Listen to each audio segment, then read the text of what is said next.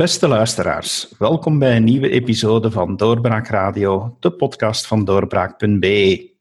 Mijn naam is David Geens en mijn gast vandaag is minister Bart Somers, minister van Binnenlands Bestuur en van Samenleven.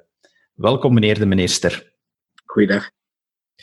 Meneer de minister, in volle coronatijd is het toch uh, wel eens aangenaam om ook naar andere positieve maatregelen te kunnen kijken.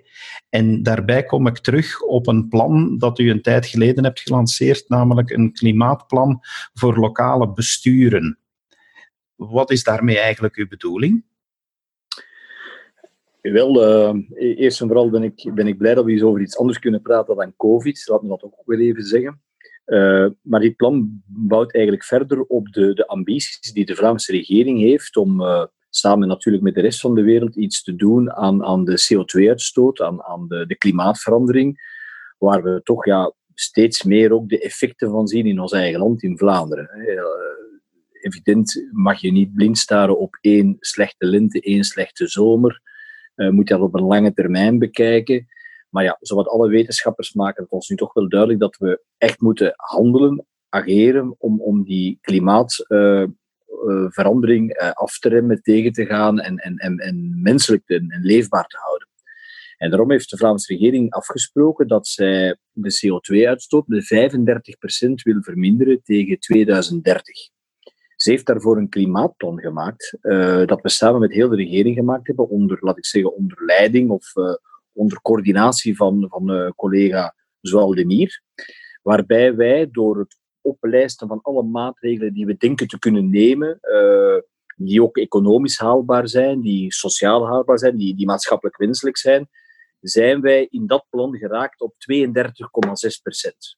Uh, met andere woorden, als wij al onze maatregelen uitvoeren, hebben wetenschappers voor ons berekend dat wij een, een CO2-vermindering tegen 2030 kunnen realiseren van, van 32,6% Dus niet de 35% die als ambitie naar voren geschoven staat in het Vlaams regeerakkoord.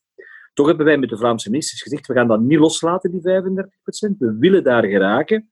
En we gaan de volgende weken en maanden kijken hoe we met welke wijze, met, met nieuwe inzichten, nieuwe informatie, nieuwe ideeën, nieuwe plannen, toch aan die 35% kunnen geraken. En in het Vlaamse klimaatplan roept collega Demir al haar collega's op om elk in hun domein te kijken wat er nog eventueel extra kan gebeuren. Wel, dan kom je bij mij en dan kom je bij dat lokale klimaatplan, want ik ben minister natuurlijk van Binnenlands Bestuur, onder meer minister van Binnenlands Bestuur.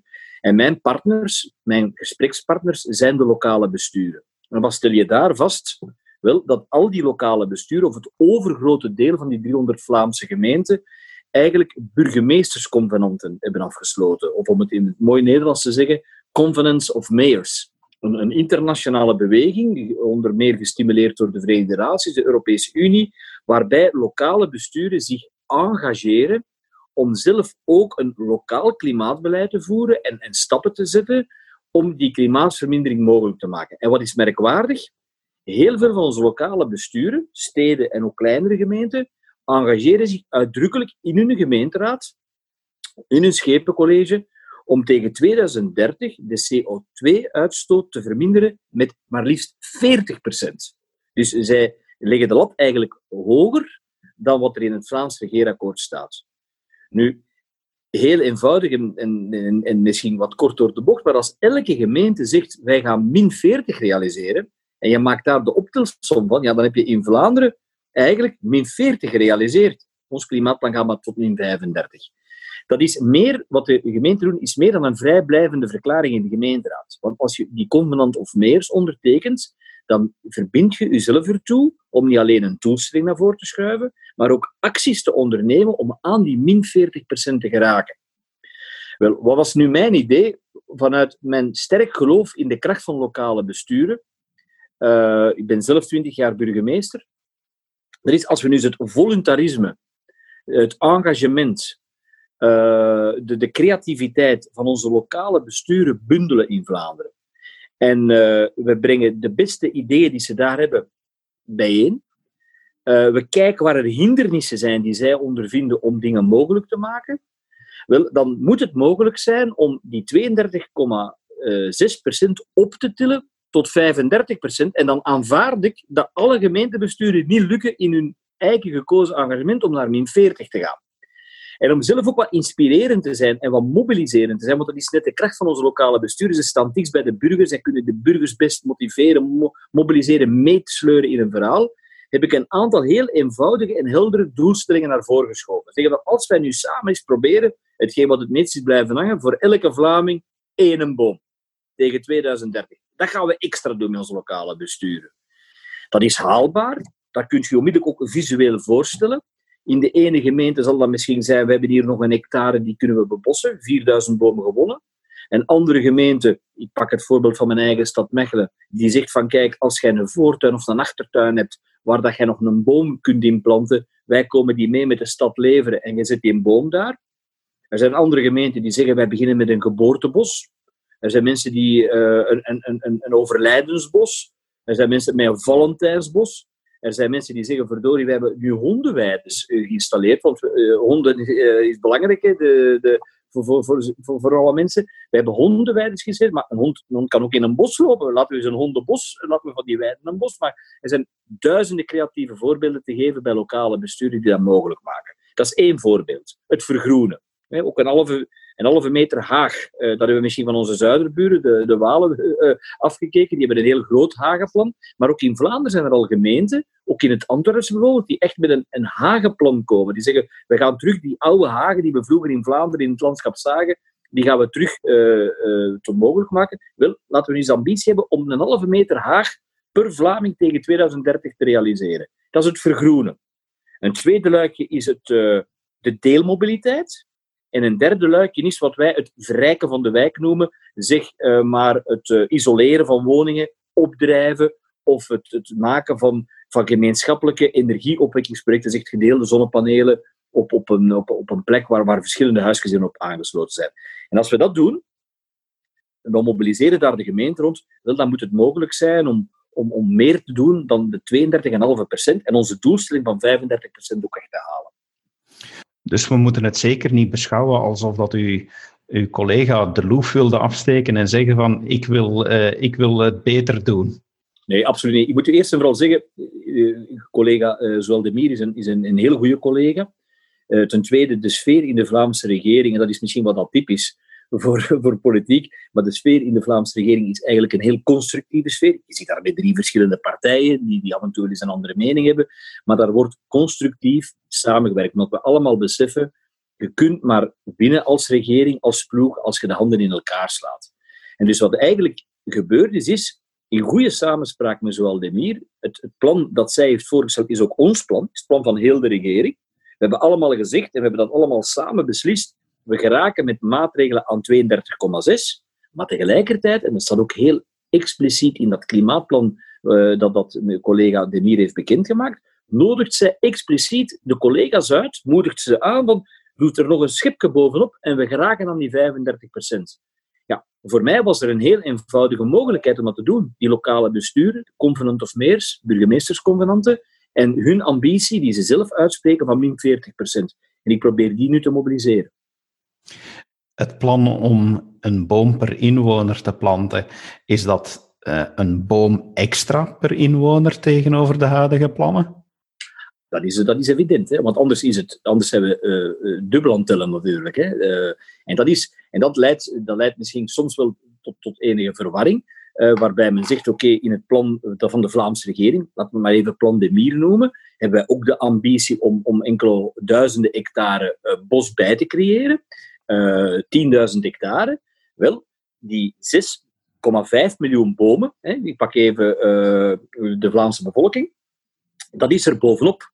Maar dat hoeft ook allemaal niet in bosvorm te zijn.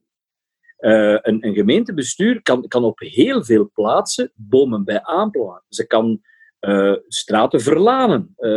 Ze kan pleinen, stukjes grond die hier en daar nog liggen. Ze kan mensen mobiliseren. Het, het, is niet alleen een verhaal van het lokale bestuur dat het op publieke gronden doet. Het kunnen ook burgers zijn die dat doen. Uh, je kunt, je kunt uh, mensen stimuleren om, om, om te zeggen laten we samen bom. Zo is het in het verleden heel vaak gebeurd. En het is net dat wat gemeentebesturen kunnen. Dat is die lokale energie mobiliseren om, om meer te doen dan wat wij met Vlaanderen sowieso al gaan doen. Ja, want in stedelijk gebied lijkt het me niet evident om zomaar bomen te zetten per inwoner. Je zou zich daarover uh, uh, verbazen. Ik pak even de, de, de, stad Mechelen, de vijfde stad van Vlaanderen die ik het beste ken. het, is, het is de vijfde stad van Vlaanderen. Maar daar is daar ongelooflijk veel mogelijkheid nog om bomen bij te planten. Uh, weliswaar niet, misschien niet echt in de historische kern van de stad, maar in alle invalswegen, in alle voortuinen van mensen, op, op heel veel plekken en plaatsen. We zijn dat nu aan het inventariseren en dan ben je verbaasd, zeker als je de mensen daarbij mobiliseert, waar kunnen er overal bomen komen? En we gaan het ook nodig hebben, gelet op de opwarming van, van, van, van de aarde.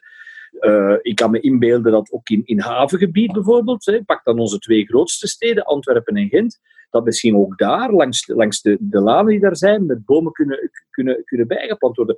En, en misschien kan de, kunnen sommige gemeenten, is het voor sommige gemeenten niet haalbaar. Maar in andere gemeenten gaat er misschien meer kunnen gebeuren. En het is ook niet iets dat je moet, laat ik zeggen, op een, een weegschaal afweten. Het is een ambitie die we uitspreken, die probeert te mobiliseren, waar als verenigingen zich daarmee opgooien, jeugdbewegingen, uh, wijkcomité's, buurtcomité's, dan krijg je in Vlaanderen een beweging om dat te doen. En alle deskundigen zeggen dat er eigenlijk in Vlaanderen meer dan plaats genoeg is om dat te doen. Een deel van uw plan omvat uh, de deelmobiliteit. Wil dat zeggen dat nu iedere gemeente maar moet zorgen dat ze enkele wagens aankoopt die ter beschikking staan voor al hun inwoners? Wel, u, moet weten, deelmobiliteit is een heel belangrijke. Uh, omdat uh, op dit moment is, uh, zijn er in Vlaanderen een 5000 deelwagens, wat eigenlijk relatief weinig is. 86.000 Vlamingen maken daar gebruik van, toch al wat substantiëler is. Maar elke deelwagen vervangt 6 tot 10 andere wagens.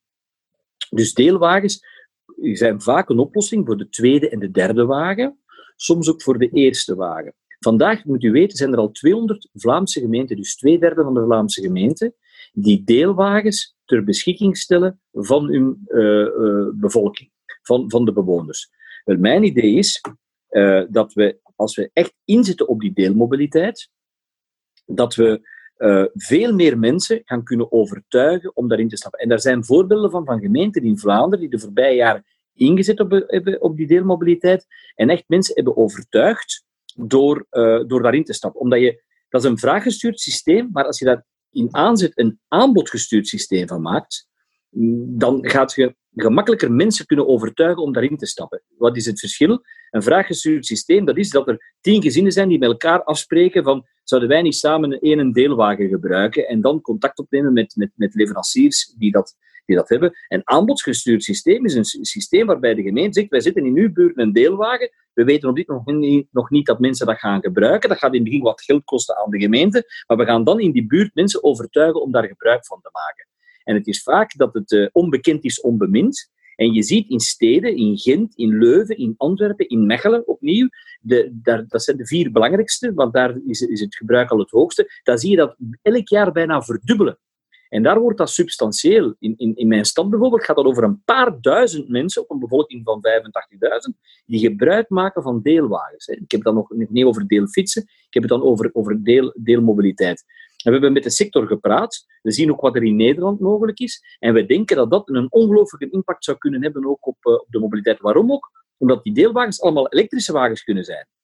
En daarmee versnel je ook de overstap naar, uh, naar, naar elektrische wagens en ga je minder wagens gebruiken die, die CO2 uitstoten. Over elektrische wagens gesproken, een ander deel van die oplossing is dat er ook meer laadpalen moeten komen. Absoluut. Hè. Als, je, als je kijkt naar, naar wat de, de, de, Europese gemeenschap als normen stelt, dat, dan, dan gaan we daar en, en je, je pakt voorzichtige prognoses, hè, die, die internationaal worden gehanteerd, om te kijken wat is de overstap naar elektrische wagens de komende jaren. Hè. Dat, zijn, dat zijn schattingen die men maakt, ramingen, dus de automobielindustrie die natuurlijk daarop uh, haar, haar, haar, laat ik zeggen, haar productie ook afstemt. Dan, dan, dan gaan we toch nog echt heel wat moeten doen. Uh, dan gaan we er veel meer moeten zetten dan degene die we tot, tot, tot nu toe uh, hebben voorzien. Uh, de, de, men zegt dat, dat er één laadpaal per 10 elektrische wagens gaan nodig zijn, zegt Europa. Dat is de minimumnorm. Ja, dat betekent als we inschatten hoeveel dat er dat zouden zijn, uh, volgens, dan zouden wij in Vlaanderen 66.000 laadpalen nodig hebben tegen 2030. Hè. Als je de prognoses van de overstap naar elektrische voertuigen bekijkt. Mijn ambitie is de helft daarvan te bereiken. De helft van wat Europa als minimumnorm stelt te bereiken, dat is wat we moeten proberen te doen. En hoe kunnen lokaal... En, in het Vlaams eh, klimaatplan zitten er ook al een, een hoeveelheid. Ik denk dat we daar willen naar 8500 gaan uit het hoofd. Dus ik zeg, laten we naar 33.000 proberen te gaan. En hoe kan dat? Wel, daar zijn eenvoudige middelen voor, die geen, want niet alles kost geld. Ik, ik geef u een heel praktisch voorbeeld.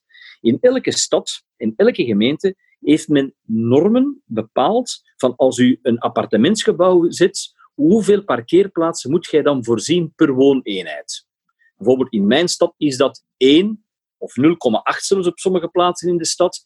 Maar laten we het eenvoudig houden, één parkeerplaats per appartementsgebouw. U bent uh, ontwikkelaar, u wilt 10 appartementen bouwen. Dus u moet dan op basis van dat gemeentelijke reglement 10 ondergrondse parkings voorzien. Waarom vraagt die gemeente dat? Omdat die schrik heeft dat anders de mensen hun wagen op de openbare ruimte zetten en dat daar te veel druk op komt.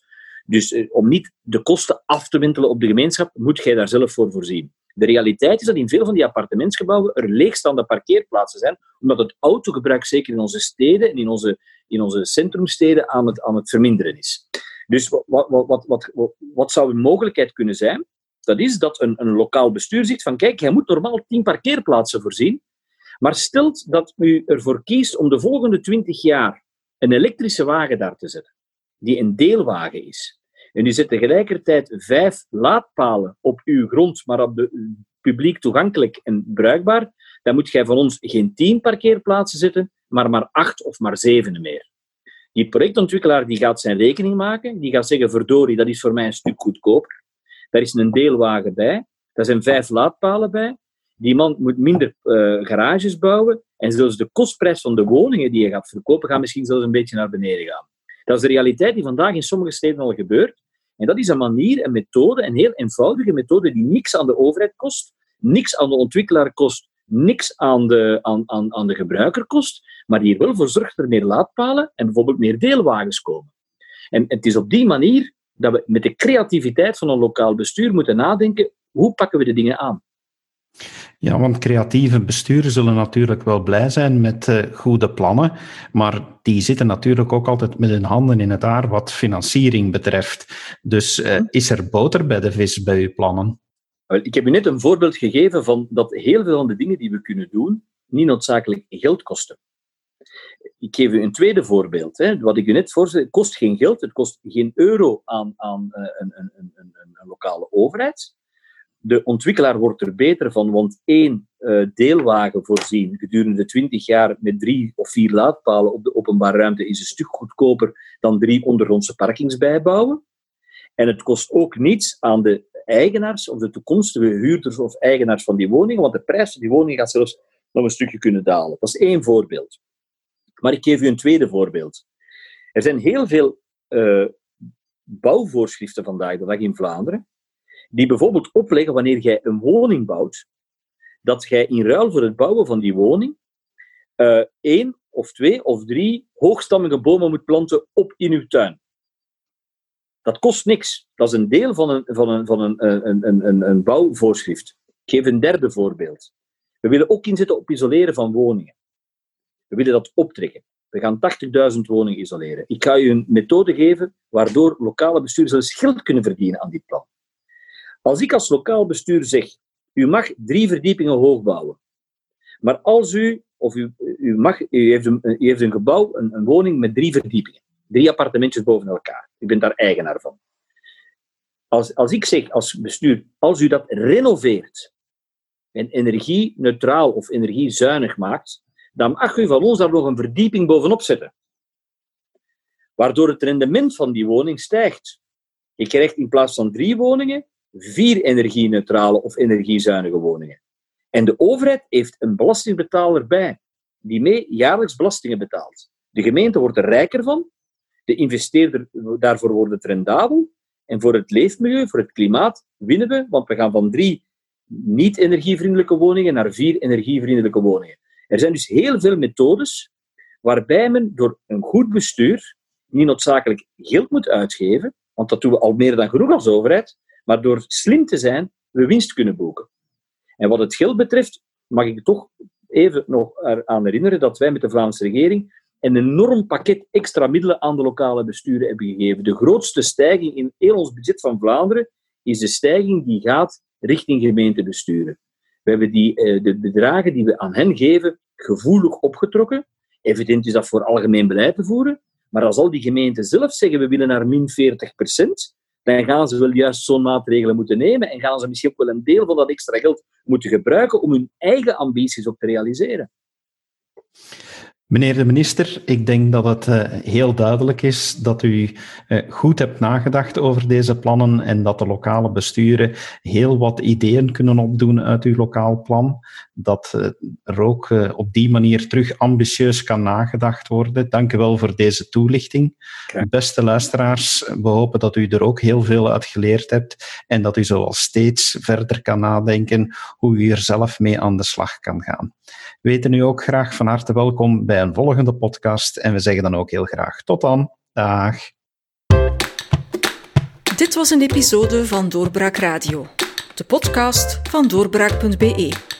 Volg onze podcast op doorbraak.be/slash radio of via Apple Podcasts, Overcast of Spotify. Bezoek ook onze website op doorbraak.be en steun ons door een vriend te worden van Doorbraak.